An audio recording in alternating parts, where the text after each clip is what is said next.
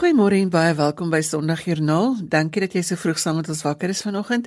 Ek is Liselde Brein en ek en Neil agter die kontroles kuier saam met jou tot 8uur toe. Ons gesels met mense oor geloof en sommer ook oor hoop en liefde en alles wat positiewe inspirasie by jou kan los. My gaste vanoggend is Isabel Marie, sy is van die Kerkargief en ons gaan gesels oor die waarde van delf in die geskiedenis. Dr. Walditer Blanche is koördineerder van die bejaarde en gestremde sorg by Batisa en ons gesels oor versorgingsoorde veral met die oog op die lang inperkingstyd wat verby is, maar nog steeds 'n bietjie daar in die agtergrond bly loer. Stefan Skutse gesels met ons oor vergifnis en versoening met die klem op die verwoesting wat gesaai is nadat hy bomme in Woester geplant het en die joernalis Niels Jackson gesels oor sy tyd as kerklike verslaggewer die afgelope 30 jaar.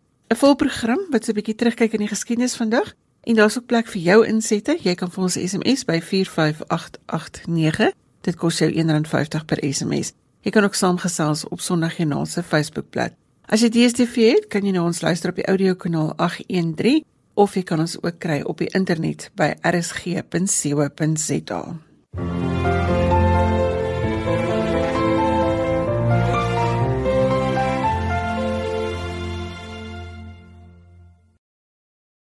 Ons kyk vandag 'n bietjie terug in die geskiedenis en waar beter as om te begin by die kerkargief op Stellenbosch. Isabel Marie sluit vanoggend by ons aan om te vertel van haar werk. Goeiemôre Isabel. Goeiemôre Lisel en sommer almal wat luister. Dis heerlik om weer 'n slag met julle te gesels. Isabel, die kerkargief is vir my so 'n plek wat wêrelde laat oopgaan. Inderdaad. Vanoggend het ek 'n teks gelees wat my regtig laat dink het aan dit wat in die kerkargief gebeur en ek hoop jy sien nie om as ek die teks lees nie. Dit kom uit 1 Samuel 7 vers 10. Samuel was nog besig om te offer toe kom die Filistyne nader om teen Israel te veg. Op daardie dag het die Here 'n groot donderweer oor die Filistyne laat losbars. Die Here het hulle verwar en hulle is deur die Israeliete verslaan. In vers 12 Samuel het toe 'n klip gevat en dit regop gesit tussen Mispa en Sen. Hy het die plek Ebena Eser, the stone of help genoem, want het hy gesê tot nou toe het die Here ons gehelp. En vir my is dit so presies wat in die argief gebeur dat ek kry soveel oproepe van mense wat iets soek uh wat in die verlede gebeur het en hoeveel keer kry ek van daai klippe wat net weer 'n bewys is van dat daar mense was en dat daar gebeure was maar dat ons baie keer kan getuig ehm um, tot hier toe die Here ons help. Watter waarde is daar vir jou om terug te gaan in die geskiedenis as mense nou so vir jou 'n versoeke stuur? Ja, ek het gedink daaroor en besef dis op verskillende maniere vir my baie waardevol. Ek het eintlik 'n klomp vrae neergeskryf wat ek oor die afgelope paar jaar gekry het. So ek kan 'n aanleiding daarvan die waarde vir julle verduidelik. Maar net ter opsomming, ek dink vir my is die belangrikste die volgende. Dit help vir elkeen van ons om meer van onsself te ontdek. Ons wêreld beter te verstaan. Die mense rondom ons raak te sien en bo alles iets van die groter godsverhaal te ontdek. Dit dink ek som dit vir my op. Is dit nou regtig vir ons nodig om so terug te gaan in die geskiedenis, Isabel? Kom ek begin met een wat ek dit kom uit Malawi uit en dis in Engels. Just 3 weeks ago, I went to Malanda and met a 101-year-old man who knew Dr. Pauline Murray. And he was trained by some of the missionary nurses. He mentioned the names and then later was sent to Madeira to reopen Madeira Hospital after a missionary had left. His story collaborated very well with information in the publications and furnished some muscle to the skeleton. Kind regards Hawkins Conway, Malawi. Nou Hawkins en ek loop nou al vir die grendel tydperk van verlede jaar af 'n lang pad want hy is besig met sy doktorale studie en hy kyk na die bydrae wat vroue eintlik in Malawi se sending en in hulle hele samelewing gelewer het. En die van julle wat bekend is met dokter Pauline Marie weet dat sy 'n besonderse mediese dokter was wat al in 1928 al gegaan het en weer en weer teruggekeer het na Malawi toe om dienste lewer selfs lank na aftrede. So ek dink die laaste keer wat sy daar was, was sy amper al in die 80 gewees.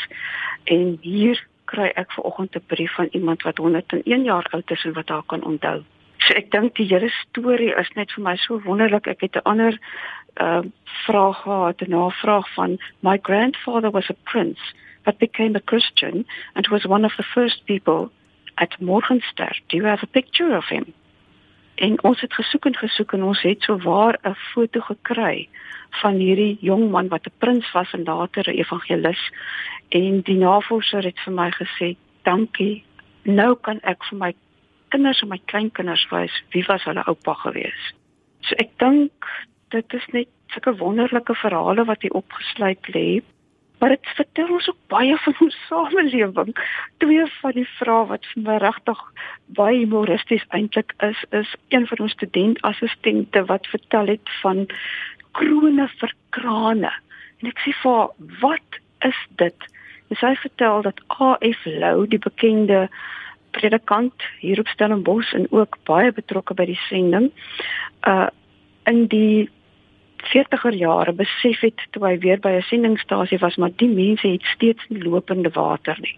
En hy het toe 'n oproep gedoen in die kerkbode op almal wat reeds 1 of 2 of dalk selfs 3 krane in hulle huis het om 'n kroon per kraan te skenk sodat die sendelinge ook lopende water kan kry in hulle huise en die geld het ingestroom en die water kon loop in die sendinghuise. En 'n uh, geskiedenisstudent kom hier aan, hy so bietjie Engels, bietjie Afrikaans en hy sê vir my, "Mevrou, weet jy dalk iets van die Veetilt kommissie?" En ek moes glimlag want die vorige dag het ek iets gesoek oor 'n sendingstasie in die Noord-Kaap en verstom gestaan by 'n kartonhouer waarop staan Veetilt kommissie. En ek het uitgetrek en gesien dit het iets te doen met die depressiejare en dis presies wat hierdie jong man gesoek het. En die verhaal is as volg in die droogte wat die boere al hulle vee verloor het, het die kerk besef hulle moet baie prakties optree en hulle het die beste stoetvee gekoop wat hulle kon en hulle het 'n stoetery begin sodat hulle die boere kon help om weer hulle eie stoete op te bou. Dis van die interessante verhale wat ons raakloop.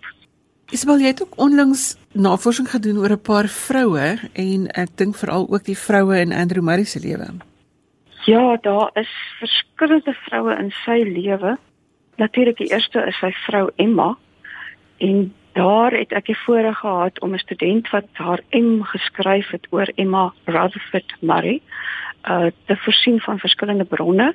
En wat moes nou maar gebeur is as ek vir hulle 'n ding uithaal dan kyk ek ook eers daarna. So 'n wonderlike storie het ontvou en die student Pascal Pinaar het ook 'n artikel geskryf wat binnekort gaan verskyn in die Marie Gedenk Stellenbosch Teologiese Joernaal want in 1822 Andrew Murray aan die Kaap geland. So volgende jaar vier ons die 200 jarige aankoms van die Andrew Murrays.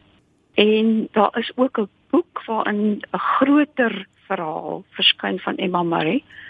Maar daar was ook ander vrouens in Andrew Murray se lewe. Sy eie dogters was al vier sendlinge gewees en 'n navraag uit Amerika oor 'n Julia Underwood wat 'n onderwyseres was in Bethlehem het vir my die storie laat ontvou van Andrew Murray van Wellington se dogter Kitty wat op 'n jong leeftyd die eerste skoolhoof of prinsipale was van die Diegenote Seminarie tak op FCM waar die Julia Underwood dan 'n onderwyseres was. So die verhale vleg so in mekaar en die navraag wat ek kry ontsluit baie keer ons eie kerkgeskiedenis op wyse wat dit andersins glad nie sou gebeur het nie. Dan het ek ook ons navorsing doen oor verskillende vroue in die mediese professie en een van die vroue oor wie daar navraag was, was Audrey van Wyk, bekende hier op Stellenbosch. Nou, ek het gedink ek ken vir Tannie Audrey, want sy was een van my ma se vriendinne toe ek nog 'n klein dogtertjie was. Maar toe ek die bronne kry en regtig lees wat Audrey se verhaal is, toe is daar vir my wonderlike dinge wat gebeur en weer eens wat vir my 'n stuk van ons eie geskiedenis net so naby en persoonlik gemaak het en ek lees graag iets wat Audrey geskryf het Sy het as jong vrou in Australië groot geword. Sy het 'n opleiding gedoen in Engeland en Skotland en sy het gekwalifiseer as 'n snydokter, maar gevoel dat sy tog geroep is om spesifiek in Morgenster te gaan werk en dat sy voor die tyd iets van die Afrika medisyne wil leer. So sy het gereël dat sy vir 'n paar weke by die Baragwana Hospitaal gaan prakties doen en net gaan rondkyk en regtig haarself bekend maak met wat daar aangaan. So sy vertel soos volg: On Monday the 21st of March, I somehow find my way there and once inside the gate walk hither and thither in search of a medical superintendent's office. Welcome to South Africa, he greets me. I have appointed you officially a surgical registrar. Nou dit was nie regtig wat Audrey wou doen nie. Sy wou net 'n waarnemer wees. Maar hy sê vir haar, you must have status. And besides, the surgical ward always needs extra people and will be glad for your help. That same afternoon of what is to become a momentous first day, I receive a phone call from the same friendly adamant medical super, Dr. Halloran. You have to come right away. There has been a bit of trouble in one of the townships with some shooting and we are expecting a lot of casualties. Please go at once to casualty.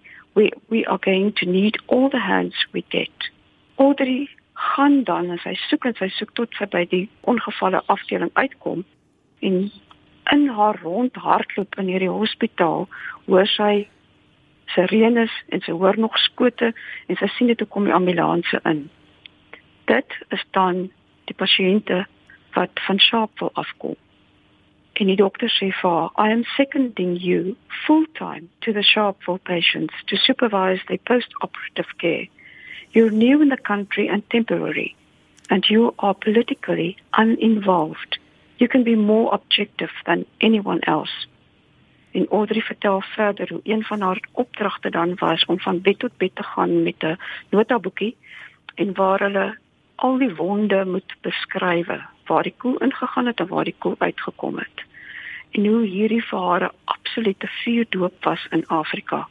Sodat sy later kan sê 'n 5 jaar later nadat sy mor morgenster was, now I am here in Africa for Africa. En soos jy weet, is Audrey vandag in haar 90's en sy steeds hierso in Afrika en tot verlede jaar voor Covid het sy 'n sokkerspan ondersteun. Ongelooflike stories wat in die argief ja, opgesluit lê. Isabel baie dankie vir die samestelling vanoggend. Baie dankie.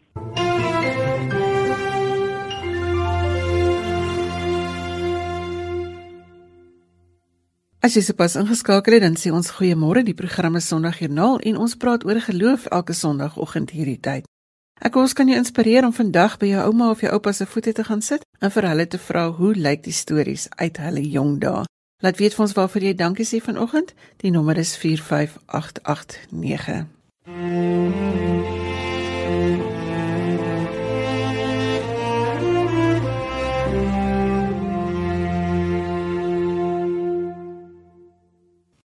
So van oumas en oupas gepraat. Dr. Waldieter Blanche is koördineerder by Badisa se bejaarde en gestremde sorg se bestuursprogram en ons gesels vanoggend oor wat om te doen as jy by 'n sentrum wil gaan besoek af lê. Goeiemôre Waldie. Môre Lisel, bly met jou te kan praat. Die inperkingsregulasies was vir almal 'n uitdaging, maar ek vermoed vir sentrums waar senior mense versorg word nog meer so. Lisel verseker, um, ek dink toe die hele COVID pandemie ons getref het, het ons ek dink by die meeste fasiliteite vir ouer persone maksimum probeer doen om persone veilig te hou. Um en om te keer dat mense wat in 'n beperkte ruimte saam met mekaar leef, weet, geïnfekteer word. En het ons 'n klomp riglyne en protokolle ingestel wat ook die besoeke aan die persone natuurlik geaffekteer het. En was daar lank tye waar familie en vriende kinders nie hulle ouers kon kom besoek nie. En waar ons regtig maar ehm um, moes saam leef met 'n situasie waar dit 'n groot impak gehad het op op die ouer persone en op hulle hulle kinders en hulle familie en dit was met tye wanneer die die infeksievlakke in die land laer was wat ons weer besoeke kon toelaat maar ook binne beheerde omstandighede. So ja, dit het 'n het 'n geweldige impak gehad en dis iets wat ons nog steeds bly bestuur op hierdie stadium alhoewel nou op vlak 1 ehm um, dit darm so 'n bietjie makliker gaan. Wat het gebeur met die geestelike versorging van mense in die verskillende sentrums? Wel die die impak um, was regtig baie groot en ons het ons het gesien hoe van die ouer persone regtig um, wegkwyn um, binne in in van ons huise en ook hoe families um, eintlik desperaat raak om weer by hulle hulle ouers of by hulle grootouers uit te kom want hulle vrees was dat die grootouers dink, jy weet, hulle het hulle hulle het hulle versag, hulle hulle kom net nie meer na hulle toe nie. En hulle weet nie regtig hoe hulle met dit gaan nie. So dit was vir almal regtig baie moeilik. Ehm um, maar ek dink die meeste so vir die ouer persoon in die huis self wat nou hier sit, hulle kan nie uit die huis uitgaan nie. Hulle sit in afsondering. Ehm um, hulle het nie gereelde kontak nie. Hulle wonder wat buite aangaan. Hulle kan selfs nie eens altyd met mede-inwoners um, omgaan en weet aan aktiwiteite deelneem nie. So dit het regtig mense laat kwyn en en het ons van ons kant probeer doen wat ons wat ons kan binne die omstandighede om om die impak so so lig as moontlik te maak. Ehm um, maar mens kon dit natuurlik nie nie altyd 100% um, ehm, versag nie en dit het sy merk gelaat op op ons inwoners. So wat moet ons in gedagte hou wanneer ons nou by ma of pa of by ouma of oupa wil gaan kuier? Miskien in terme van gesonde, waardevolle stimulering. Ja. Weet jy, Lisel, ek sou altyd um, indien dit moontlik is vir kinders of families sê, indien dit vir julle moontlik is, neem die ouer persoon, neem julle geliefde vir vir 'n rukkie uit na julle toe. Ehm um, laat hulle bietjie by julle aan huis kom kuier, ehm um, spandeer 'n bietjie kwaliteit tyd saam met hulle. Dit sal die eerste prys wees ehm um, indien dit natuurlik nie moontlik is nie, ehm um, kom kuier vir hulle, maar wanneer jy vir hulle kom kuier, ehm um, onthou dat dat hulle nie net gedefinieer is deur hulle ouderdom nie. Hulle hulle is totale mense, net soos elkeen van ons met 'n met 'n geskiedenis van dinge wat lekker was en wat sleg was. En en spandeer tyd met hulle, luister na hulle. Skep vir hulle geleentheid om te praat oor wat COVID gedoen het en hoe hulle dit beleef het en sommer ek weet dit is altyd maklik nie dat hulle ook praat oor die verlede want dit is wat hulle hulle mens maak en en vandag nog steeds mens maak. So spandeer tyd, spandeer kwaliteit tyd met hulle. Ehm um, ek sou ook sê as dit moontlik is, dui vir hulle aan. Wanneer gaan julle weer vir hulle kom besoek en hou daarby? Moenie sê ons kom oor ons kom oor 'n tyd of ons kom ons sal julle weer sien eendag nie probeer vir hulle sê ons gaan julle sien op hierdie en hierdie datum al is dit dan nou net vir 15 minute en hou daarby want dit is waarna die die ouer persone uitsien. Ehm um, so ek dink daar's baie wat 'n mens kan doen ehm um, wanneer 'n mens by die ouer persoon is om kwaliteit tyd te spandeer en nou nie net oor die weer te praat nie maar maar regtig aan hulle belang te stel en en vir hulle geleentheid te gee om ook oor hulle self en hulle eie ervarings te kan praat. En om seker te maak mens konsentreer op al die sintuiglike stimulering wat moet plaasvind. Miskien 'n ou blommetjie om te ruik en te kyk en ietsie om te eet wat maklik is. Al daardie sintuie wat wat net van vooraf gestimuleer moet word. Ja, absoluut. As dit as dit moontlik is, dit is nie vir altyd vir almal moontlik nie, maar bring ietsie saam wat mens weet vir hulle belangrik was en en wat hulle by hulle kan as hulle nou nie meer daar is na die besoektyd nie. As dit nie 'n blommetjie of 'n eetdingetjie is nie, miskien so met ietsie verlede uit wat vir hulle kosbaar was of is dit ook net net 'n fotootjie of twee. Um iets wat vir hulle belangrik is en en iets waarna hulle kan vashou. Ek ek dink alself met die hele COVID storie het ons so ingespring en riglyne en protokolle ontwikkel wat gegaan het rondom die fisiese welwees van die inwoners. Maar daar was nooit regtig um 'n omvattende proses om te kyk watter riglyne en protokolle moet ons ontwikkel rondom hulle psigiese welwees nie. En ek dink ons het baie lesse hier uitgeleer en ek dink as as besoekers ehm um, moet ons sensitief wees daarvoor en en vir wat hulle deur gegaan het en en net daai kontak met hulle probeer hou. Ehm um, al is dit op klein maniere, ehm um, dit hoef iets groots te wees nie. Hier bring my nou net by my volgende vraag, Waldie. Ons is op 'n punt waar ons hierdie dinge gaan hersien want hulle is tog blootgestel aan aan iemand wat nou daar kom werk het of so wat van buite af ingekom het om miskien te kyk wat het gewerk, wat het nie gewerk nie en hoe mense dit anders sou kon inrig. Jy weet, ehm um, wel ja, verseker ons het um, binne die Bedisa groep een van ons ehm um, bestuurders in in George, Dr. Okkie wat baie op um, baie navorsing ook gedoen het. Ons het bijvoorbeeld vir hom gevra kyk vir ons na na protokolle rondom die psigiese welwees van inwoners. Wat is dit wat ons kan doen indien ons weer in so 'n totale lockdown situasie is? Wat is dit wat ons beter kan doen om om ons inwoners beter te kan stimuleer, te kan beskerm? Wat wat is dit? So ja, ons ons doen dit verseker. Ehm um, die ander ding is natuurlik soos wat mense nou die inenting gaan ontvang, ehm um, moet ons ook kyk na jy weet vir wat is die impak van dit ehm um, op die beweging van ons inwoners in die toekoms, ehm um, op die besoeke van families. Ehm um, van die situasie moet verander vorentoe. Ehm um, in in ons moedig regtig al ons personeel en al ons inwoners aan om wel die die inenting te ontvang. Ehm um, want dit is regtig net as almal dit ontvang wat wat ons almal veilig kan hou aan die einde van die dag. Wel, waarvoor is jy dankbaar in die lewe? Wat gee vir jou hoop? Weet jy, ek is ek is verskriklik dankbaar dat ten spyte van die die die pandemie, ehm um, ons ek dink in Suid-Afrika geslaag het om veral vir ons inwoners van te huise 'n uh, groot beskerming te bied. Ons weet daar was 'n 'n prys om te be, te betaal vir dit, maar die die manier hoe hoe, hoe almal saamgestaan het binne in ons um, omgewing binne in die huise om dit te laat werk, ons personeel, ons bestuur, die inwoners, die families en hoe mense oor die algemeen gesê het, weet jy, ons verstaan wat julle doen. Ons weet dis nie lekker nie, is ook nie vir ons lekker nie, maar maar ons weet dit is die beste.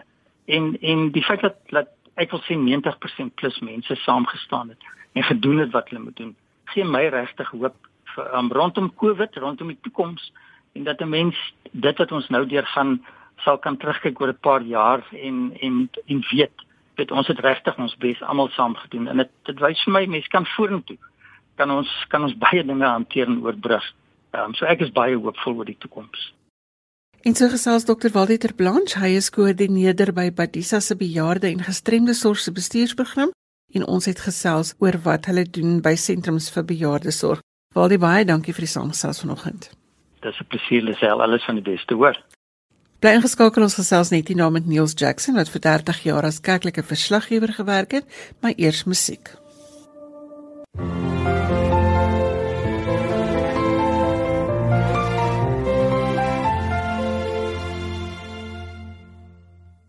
Niels Jackson was vir byna 30 jaar kerkverslaggewer en daarom is hy die ideale kandidaat om te gesels oor die verandering wat in die kerk plaasgevind het deur sy oë die afgelope paar dekades. Goeiemôre Niels.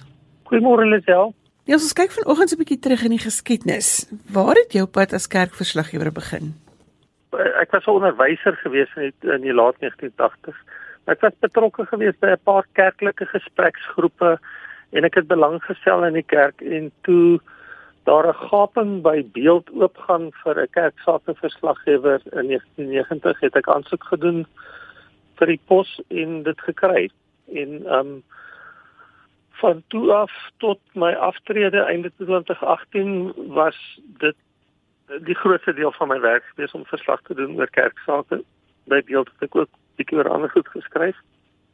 Nou my hooftaak was meestal kerksake verslaggewing Daarna was daar nou die 5 jaar wat ek by die kerkkode was en na my aftrede het ek steeds 'n klompie goed vir verskillende publikasies geskryf oor die kerk.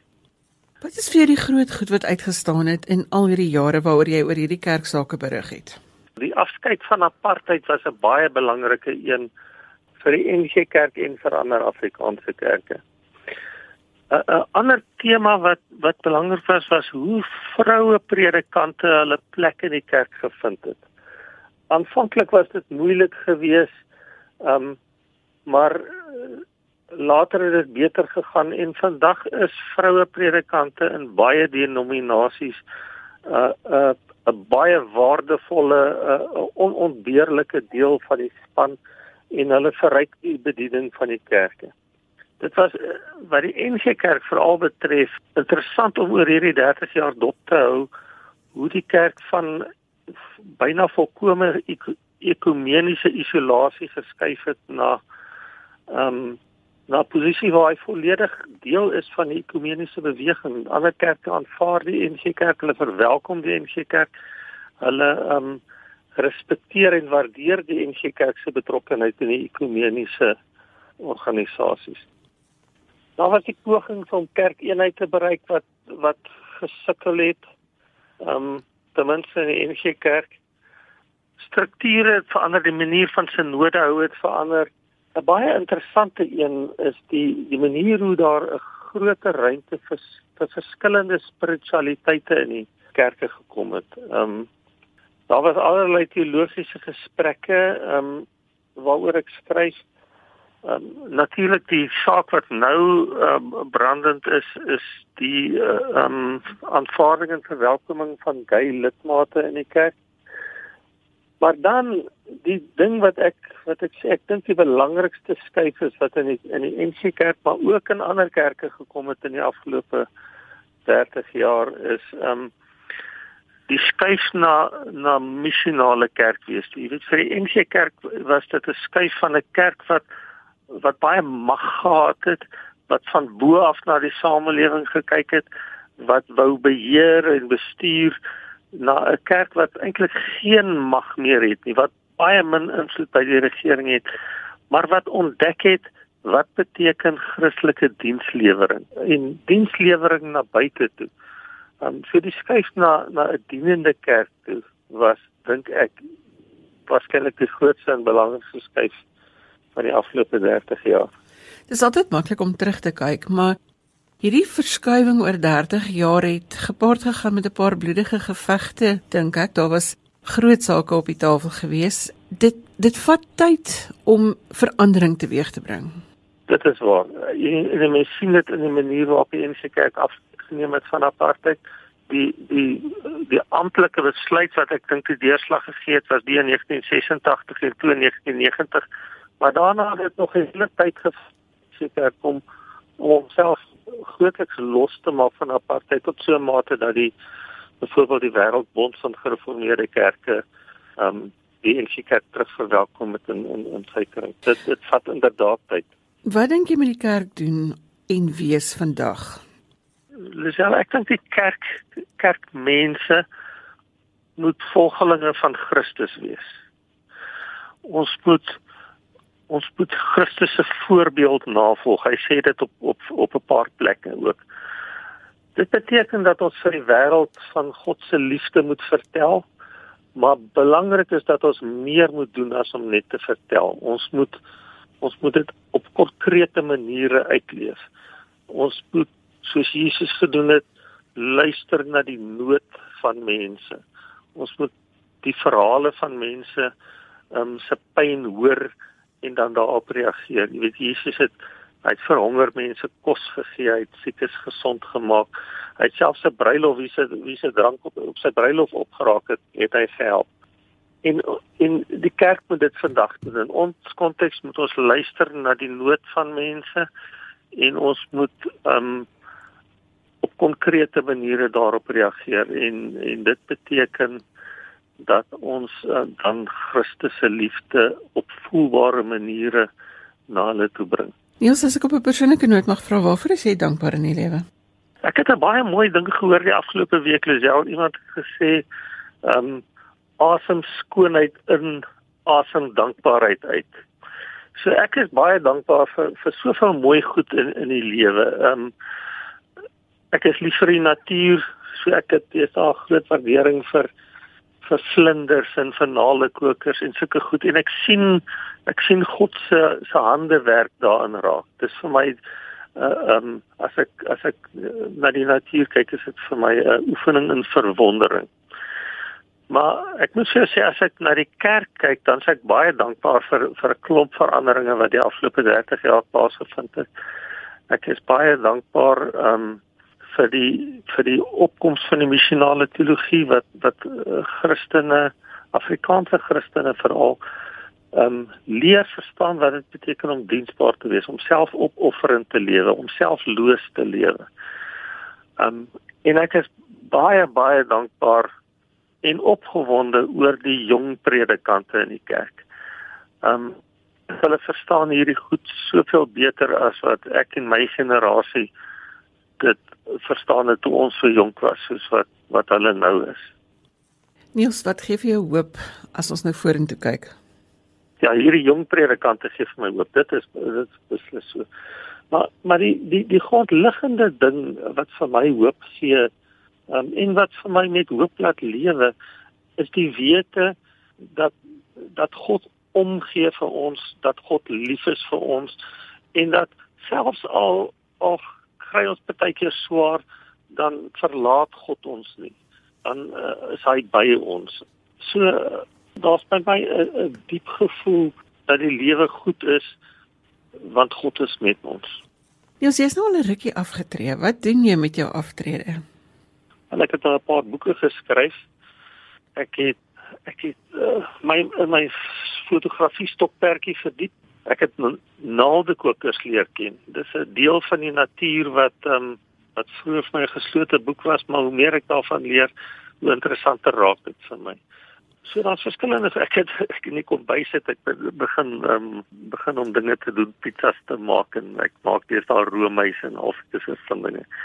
Um, ek geniet die lewe ek het operas ontdek en en um, die metropolitaanse opera in New York saai elke dag 'n uh, 'n opera uit op hulle webwerf en weet ek het die, die hele wêreld van opera vir my oopgegaan. Um, so daar's genoeg om myself mee besig te hou. Die lewe is net so interessant dat ek nie kan dink dat ek verveeld gaan word nie. Dit sê selfs Niels Jackson, hy is afgetrede kerkverslaggewer joernalis en ons het teruggekyk in die geskiedenis. Niels, baie dankie vir die saamgesels vanoggend. Dankie Lisel, goed gaan. Ek vermoed ons sal die toekoms kan bepaal deur dankbaarheid. Dink nou net hoe groot die vreugde gaan wees by iemand as jy vanoggend besluit om iemand te verras met 'n dankie of 'n blommetjie uit jou tuin uit of 'n telefoonoproep of 'n briefie wat jy met die hand geskryf het. Ek wil jou uitdaag vanoggend, gaan maak kontak met iemand wat jy lanklaas gesien het of met wie jy lanklaas gepraat het. Ek is seker ek en jy kan vandag iemand spesiaal laat voel. Mm -hmm.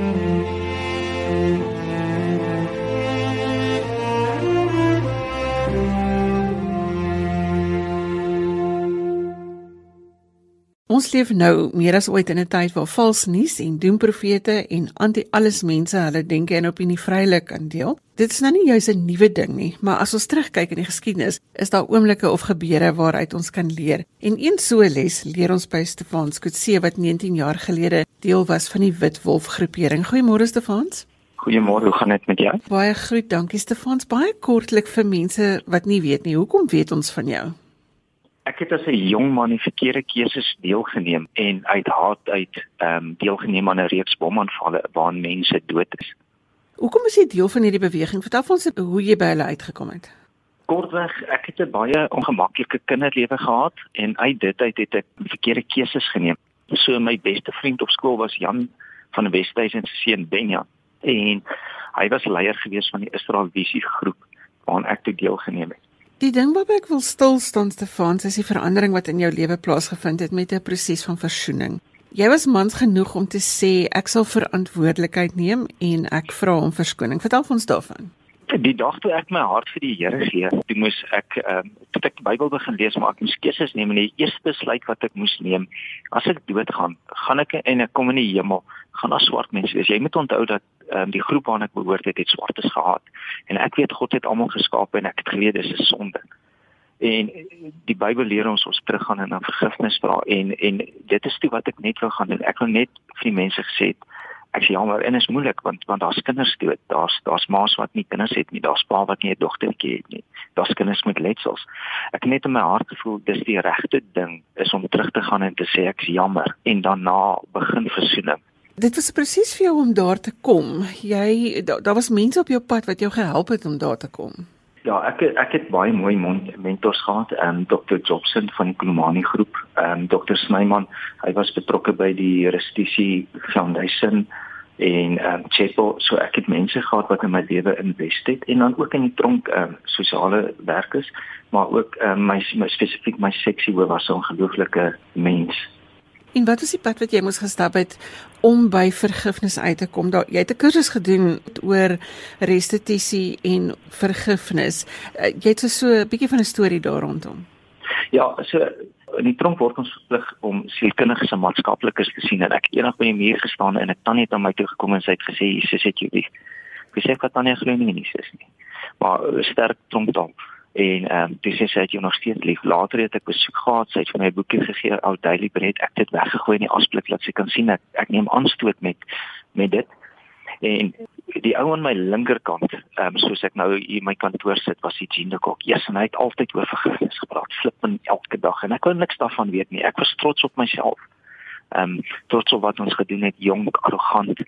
En eendag toe sê hy vir my Stefans, as jy doodgaan, gaan al die boere, vroue en kinders jou aankla want jy jy haar die aansien, maar jy's nie beter as hulle nie.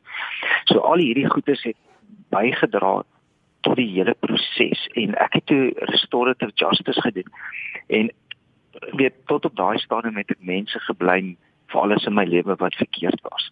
En ek besef dat die enigste wurm in my lewe is Stefans Kutse. Ek is die probleem. Jou storie is een van hoop en van liefde. Waarvoor is jy dankbaar?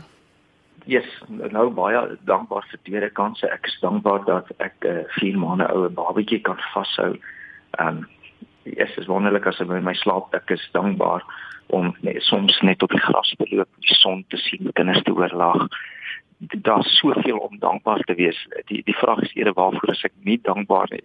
Want daar's baie min dinge waarvoor ek dankbaar is. Ek self dankbaar vir beerdkrag. Dit bied my tyd om bietjie stil te raak weg van selfoon en internet en sulke goed af. Kan ek gou vir jou vra in jou hele proses van restituisie het die mense van Woester op 'n trein geklim.